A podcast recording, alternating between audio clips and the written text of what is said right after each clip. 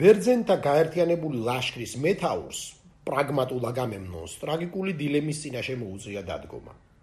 იმისათვის, რათა ზურგის ქარი ჰქონოდა ტროასკენ მიმავალ ბერძნებს, რაც ტროის ომში ბერძნების გამარჯვების საწინდარი უნდა ყოფილიყო, მას ღმერთების ნება უნდა აღესრულებინა. საყვარელი შვილი შეეწირა ქალღმერთ არტემიდესთვის. აგამემნონს არჩევანი უნდა გაეკეთებინა, ან ღმერთები და ხალხი განერისხებინა, ან ქალიშვილი დაეკლა ომში გამარჯვებისათვის. და მეფემ გადაწყვიტა, შვილი პოლიტიკას უნდა შესწირვოდა. მამის პოლიტიკური პატიმოყარეობისა და დიდების საფასური ქალიშვილის სიცოცხლე უნდა გამختارიყო. აგამემნონმა ქალიშვილის სიკვდილით მამა მოკლა საკუთარ თავში და 10 წელი იბრძოლა, რათა ტროა აეღო. უკვე გამარჯვებულს და შინ დაბრუნებულს კი ცოლმა კლიტემნესტრამ მოუსწრაფა სიცოცხლე ბოლო გამბანვის ჟამს, რადგან ის მთელი 10 წელი ელოდა, რომ ქალიშვილის მკვლელი ქმარი დაესაჯა. თუმცა ეს ამბავი აგამემონის სიკვდილით არ დასრულებულა. უпроსტორად ატრიტთა ციკლური ტრაგედია კი დამთავრდა ესქილეს მიერ აღწერილი ღვთაებრივი სასამართლოთი, მაგრამ სინდრომი, რომელსაც აგამემნონის სახელს უწოდებენ, ამა თუ იმ ფორმით დღემდე დრამატულად აქტუალურია, რადგან შვილებს ახლაც კლავენ ბოროტი მამები. დესპოტი და ეგოისტი მამები ძალაუფლებას წირავენ თავიანთ შვილებს. გინდა ლოკალური ოჯახის დესპოტი იყოს ძალაუფლების მფლობელი და გინდა საერთოდ ქვეყნის აგამემნონივით. თავარი აქ მამის სისასტიკე, ეგოცენტრულობა და პატიმოყარეობა.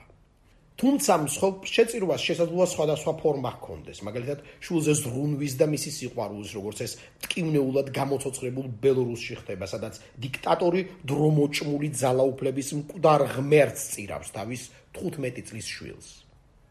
ალბათ ბევრმა ნახა, როგორ გადახურებდა რევოლუციური ბელორუსის პრეზიდენტი დაცარიელებულ ქალაქს ვერტმფრენიდან. როგორ მიმართა სპეცრაზმელივით გამოწყობილ შეერაღებულ შულ კოლიას, აგერ შენი შეეშინდა და ვირთხებივით დაიფანტრენო. და შემდეგ როგორ ჩამოჯდა პრეზიდენტის სასახლის ერთ-ერთ უკაცრიელ დარბაზში, მაგიდაზე ჩამოდებული ვაზნა მოხსნილი ავტომატით, ესეც ნიშანდობლივია ვაზნა რომ მოუხსნეს ყოველი შემთხვევისათვის. იმავე მრგვალ მაგიდასთან გაჯგიმული ლოყაწითელი თინეიჯერის შვილი თურთ, ვისაც ასევე ავტომატი ჩამოედო სკამთან. ძალაუფლების ლეგიტიმაციის ილუზიის შესაქმნელად. და ეს ყველაფერი 21 საუკუნის შუაგულ ევროპაში.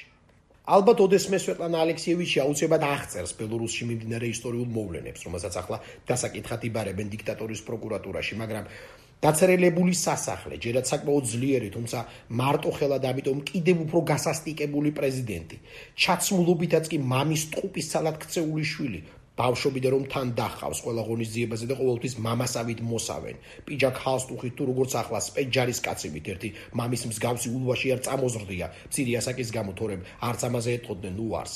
მარკეს უკვე აღწერილი აქვს თავის უკრავ რომანში პატრიარქის შემოდგომა, სადაც დიქტატორივით მინიატურულ მუნდირსა კუჩი გამოწყობილ შვილ მიკროდიქტატორს შემზარავ მომავალს უკადის განგება.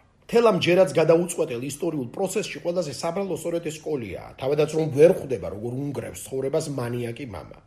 დათო ცხოვრებას არა ფსიქიკას ერთმიშნელოვნად. როგორ სწირავს შულს მსხორპლად ძალაუფლებისა და საყოველთაო სიძულვილისთვის.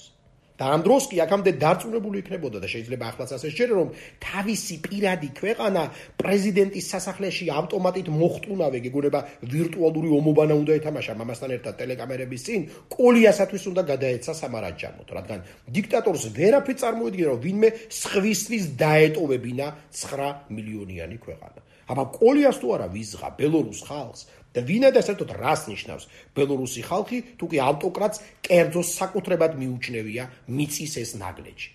თუნდა ჩვენთანაც ასე არ ფიქრობენ ქართული წარმოების ავტოკრატ მამები. იღბლიანი კოლი ახლა მართლაც აგამემნონის შვილის მდგომარეობაში აღმოჩნდა. მას ცხოვრება წაართვეს. ის მამამისის სიხარბის და განუზომელი ამბიციის მსხვერპლია თუმცა რამდენად პრაგმატულია ეს ამბიცია სხვა საკითხია. საბოლოოდ ხომ ვერც აგამემნონი დარჩა მოგებული რადგან ისტორიას თავისი კანონები ჰქონია ყოველთვის ყველაფერს ვერ მართავ. საკუთარ თავსაც კი ვერ ვფლობ, არა თუ ქვეყანას ამ ბედს მით უმეტეს. ამიტომ თუ კი ულვა შოკოლიას მსგავსად ბიოლოგიურ შულს შეუჭამ ბიოგრაფიას, ადრე თუ გვიან ისტორია ანგრებავთ ისტორიული მოძრაობის ინსტინქტი, სხვა ახალ შვილებს შექმნის, რათა მათ ტარტაროსში გადაისროლონ ისტორიულად მკვდარი დიქტატორი.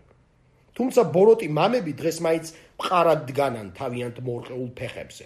ხოლო საბრალო კოლიამ ჯერ კიდევ არ იცის, რომ მისი მთავარი მტერი მოსიყვარულე მამაა.